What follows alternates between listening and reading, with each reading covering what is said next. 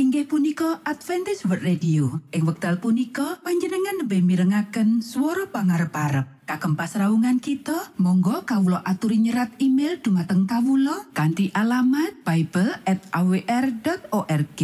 utawi panjenengan uki saged layanan kalian Kawulo lumantar WhatsApp kanti nomor plus setunggal saged layanan kalian Kawulo kalh kalh sekawan kalh kalh kalh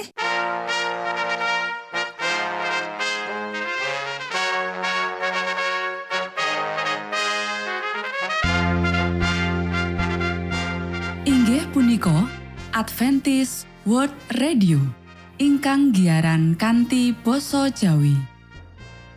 Tentrem Rahayu kula aturaken kagem para mitra kinasih ing pundi papan lan panggonan. Sugeng pepanggian malih kalian Adventist World Radio. Kanti bingahing manah Kulo badhe sesarengan kalian para mitra kinasih lumantar saperangan adicara ingkang sampun rinonci mligi kagem panjenengan sami. Mugi giaran punika saged migunani tuen dados berkah kagem kita sedaya. Sugeng midhangetaken Gusti amberkahi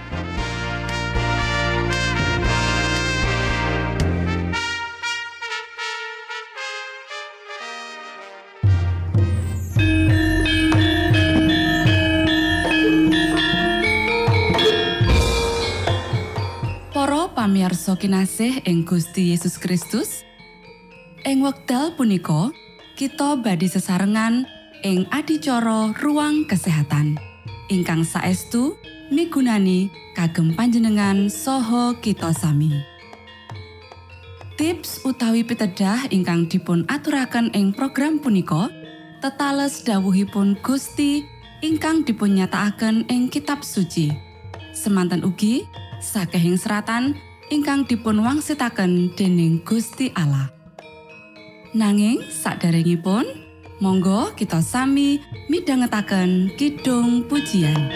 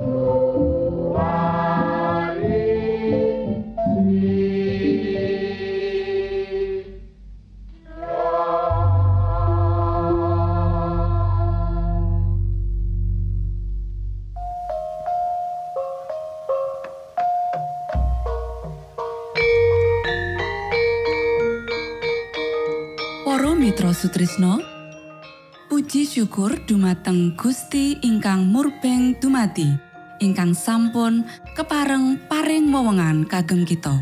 Satemah saged nglajengaken ruang kesehatan. Pirembakan kita semangke kanthi irah-irahan. Woh-wohan wiji-wijian lan sayuran perangan roti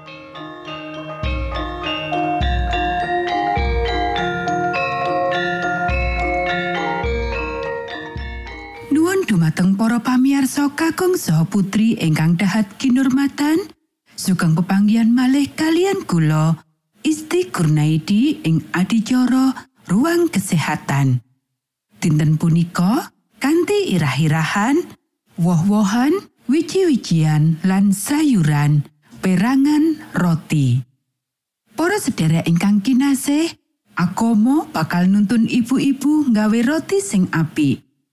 Roti kudu dipanggang kanthi temenan jaba lan jero. Kesehatan weteng butuhake roti sing enteng lan garing. Roti minangka panganan utama ing urip iki.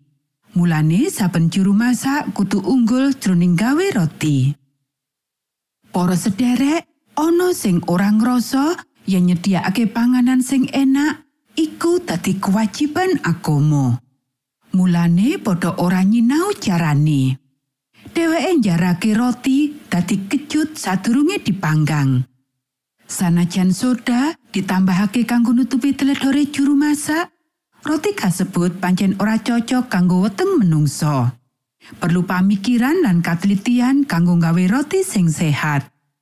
Nanging agama ing roti siji luwih akeh tinimbang sing bisa dipikirake. Para sedherek ingkang kinasih, kewajiban agama saben wong wadon Kristen kudu nyinau carane gawe roti legi sing apik saka glepung gandum pecah kulit. Para ibu kudu nggawa anak wadon menyang pawon nalika isih enom lan mulangake seni masak. Gunakake soda utawa bubuk pengembang roti utawa baking powder jroning gawe roti ora perlu lan bebayani. Soda nyebabake inflamasi ing weteng lan asring ngracuni kabeh awak. Akeh para ibu bantah yen ora bisa nggawe roti sing enak tanpa nggunakake soda. Nanging iki salah. Yen dheweke sinau luwih akeh, roti kasebut mesti luwih sehat lan enak. Para sederek, kanggo ngembangake adonan, ojo nggunakake susu gantine banyu. Nggunakake susu nambahi ragat. Susu bakal nggawe roti kurang sehat. Roti susu orang gawe rasa legine tahan suwe sawise dipanggang dibandingake karo dicampur karo banyu. Ing weteng, roti difermentasi luwih cepet. Roti kudu ora kecut.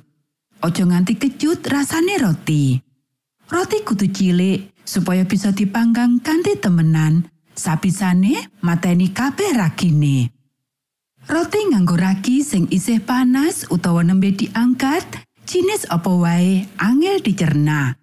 Roti kasebut ojo dicawisake ing meja dahar. Mesti wae aturan iki ora diterapake kanggo roti tanpa ragi. Adonan seger saka glepung gandum tanpa ragi dipanggang ing oven sing cukup panas, enak lan sehat.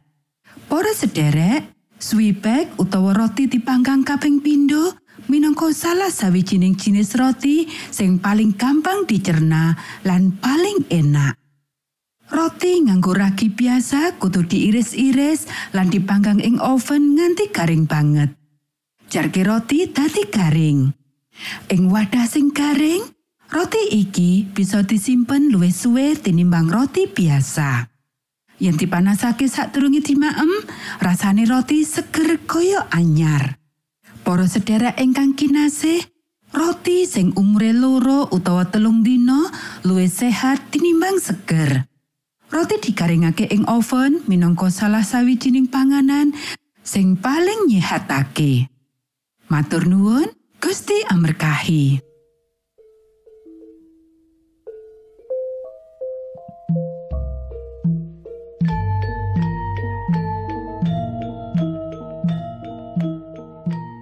Cekap semanten pimbakan ruang kesehatan ing episode dinten punika. Ugi sampun kuatos jalaran kita badhe pinanggih malih ing episode sak lajengipun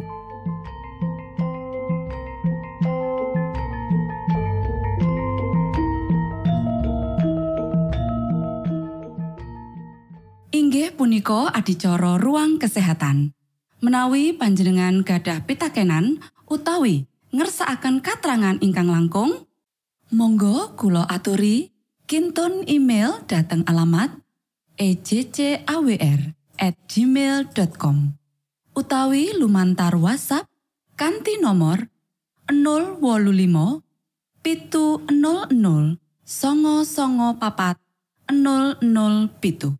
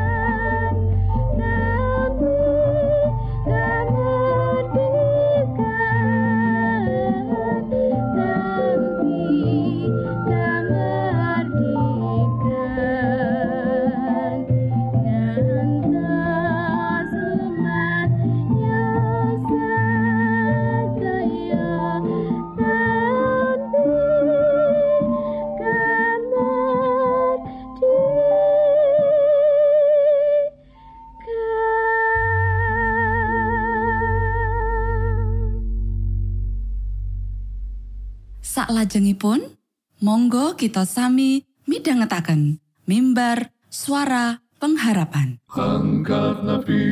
Kanthi pawarto Sang Kristus paderamu Pro umat samyo puji asmanyo Sang Kristus paderamu Inggih punika mimbar suara pengharapan. Ing episode punika kanthi irah-irahan. Ngatek jejeg ing palagan perang kuno. sugeng minangka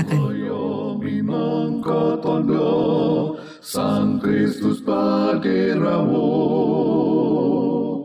ilmu kawero tambah tambah Sang Kristus paderamu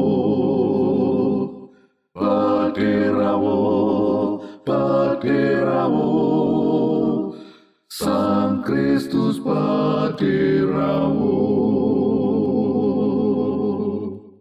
Shalom para pamiarsa ingkang kinasih wonten ing Gusti.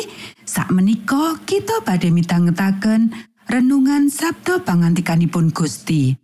Ing dinten punika kanthi irah-irahan ngadeg jejeg ing palagan perang kuno. Para sedherek ingkang kinasih, ayo diwaca ing kitab Efesus pasal 6 ayat 10 nganti 20. Wasana padha dadi santosa ana ing patunggilani Gusti lan ing kasektening panguasane. Padha sikepa praboting prangi Gusti Allah supaya kowe bisa ndahi gelar kaculikane iblis. Awit kang kita tandingi iku dudu daging lan getih. Nanging para pamarentah, para panguwasa, para panggedhening jagat kang peteng iki, para rohing katursilan kang ana ing langit. Mulane padha nyandhako prapoting prangi Gusti supaya kowe bisa nyembatani samoso tekane tino kang ala iku lan tetep tangguh sawise kowe ngrampungake sakabehe. Mulane padha dipanggah, lambungmu sapu ana ing kayekten lan ngrasuka keadilan minangka kere. Sikilmu nganggo trumpah, cumandangmu marang Injiling tentrem rahayu. Sajroning mangkono iku padha nganggo tamenging pracaya. Marga kowe kabeh bisa nyirep saking panah geni saka si pangawak Dursila. Karo maneh padha nampanono teropong karahyon lan pedang roh ya iku sabdaning Allah. Ing sajroning pandonga lan panjuwunmu kabeh padha tansah ndedonga ana ing patunggilaning roh sarta padha meleka lan diteken anggonmu padha nyenyuwun kanggo para suci. Uga kanggo aku supaya menawa aku ngucap diparingono tetembungan kang bener lan supaya kanthi kendel anggonku ngiyarake kekeraning Injil kang tak lateni minangka utusan kang dirante. Padha tetungguo supaya aku bisa nglairake bab iku kalawan kendel awet pancen kutu mangkono. Para sedherek ingkang kinasih, coba delengen. Saben-saben Rasul Paulus nggunakake perangan tembung ayahan ngateko. Ngopo gagasan kuwi penting tenan kanggo Sang Rasul? Para sederek, awake dhewe kudu paham sanepan militer Rasul Paulus sakjroning konteks palagan perang kuno. Apa tegese ngateka ing Efesus pasal 6 ayat 11, telulas lan 14? Apa tembung iki mung nyarono sifat defensif wae? Pidato paprangan sing klebu ana ing tulisan-tulisan Tusidides, salah sawijining penulis klasik sastra perang, ana telung perkara kelakon sing kutune kelakon menawa pengin menang. Kapisan, wadyabala kudu cerak karo mungsuh. Tegese para wadyabala kuwi kudu baris kanggo atu arep karo mungsuhe. Kapindo, wong-wong mau kudu nempo lan ngadeg utawa ngadeg jejeg. Tarung siji lawan siji karo mungsuhe. Pungkasane kang telu, wong-wong mau kudu ngalahake mungsuhe. Para sederek waya sing wigati saka paprangan kuno iku kedadean nalika loro pasukan sing padha mungsuhan padha teka lan kelut jroning swara kekirisi kemlontenge perunggu kemrotoke kayu lan ajure daging Iku sing sering diarani taprakan kang gegirisi, jare penulis kuno Xenophon. Para sedherek ingkang kinasih, ngadeg jejeg sejatine nahan posisi sing dadi tantangane ning paprangan kuno. Ing paprangan atu arep, para wadyapala kang perang bakal goleki wewengan kanggo njungkrakake musuhe. Para sedherek ingkang kinasih, welinge Sang Rasul Paulus kanggo tujuan nyikep diri kuwi sawijine sanepan ning palagan kanggo wadyabala. Ngumpul bebarengan menehi lan nampa atusan jotosan saka jarak sing cedhak.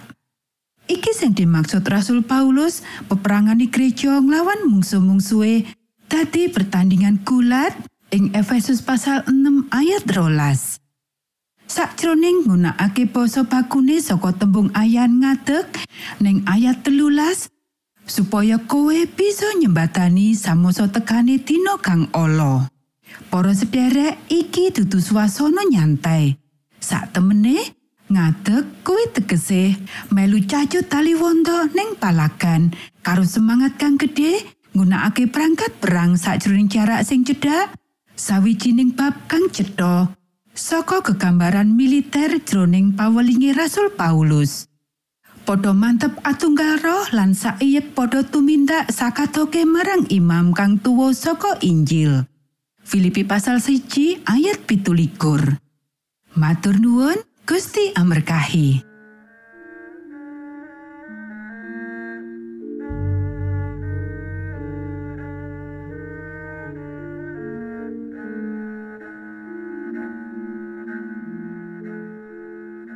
Mitra Sutrisno pamiarsa kinasih ing Gusti Yesus Kristus. Sampun paripurno pasamuan kita ing dinten punika.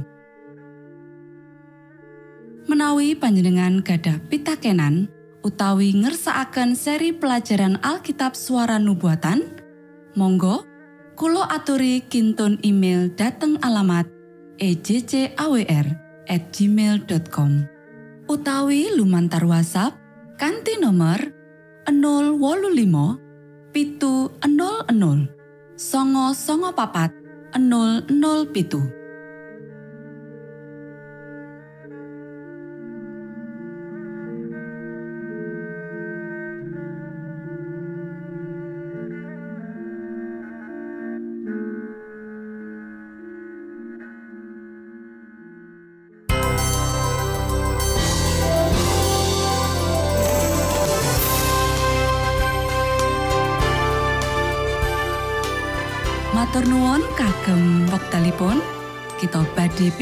malih ing gelombang ugi wekdal ingkang sami. Saking studio kula ngaturaken tentrem rahayu. Gusti amberkahi kita sedoyo Maranata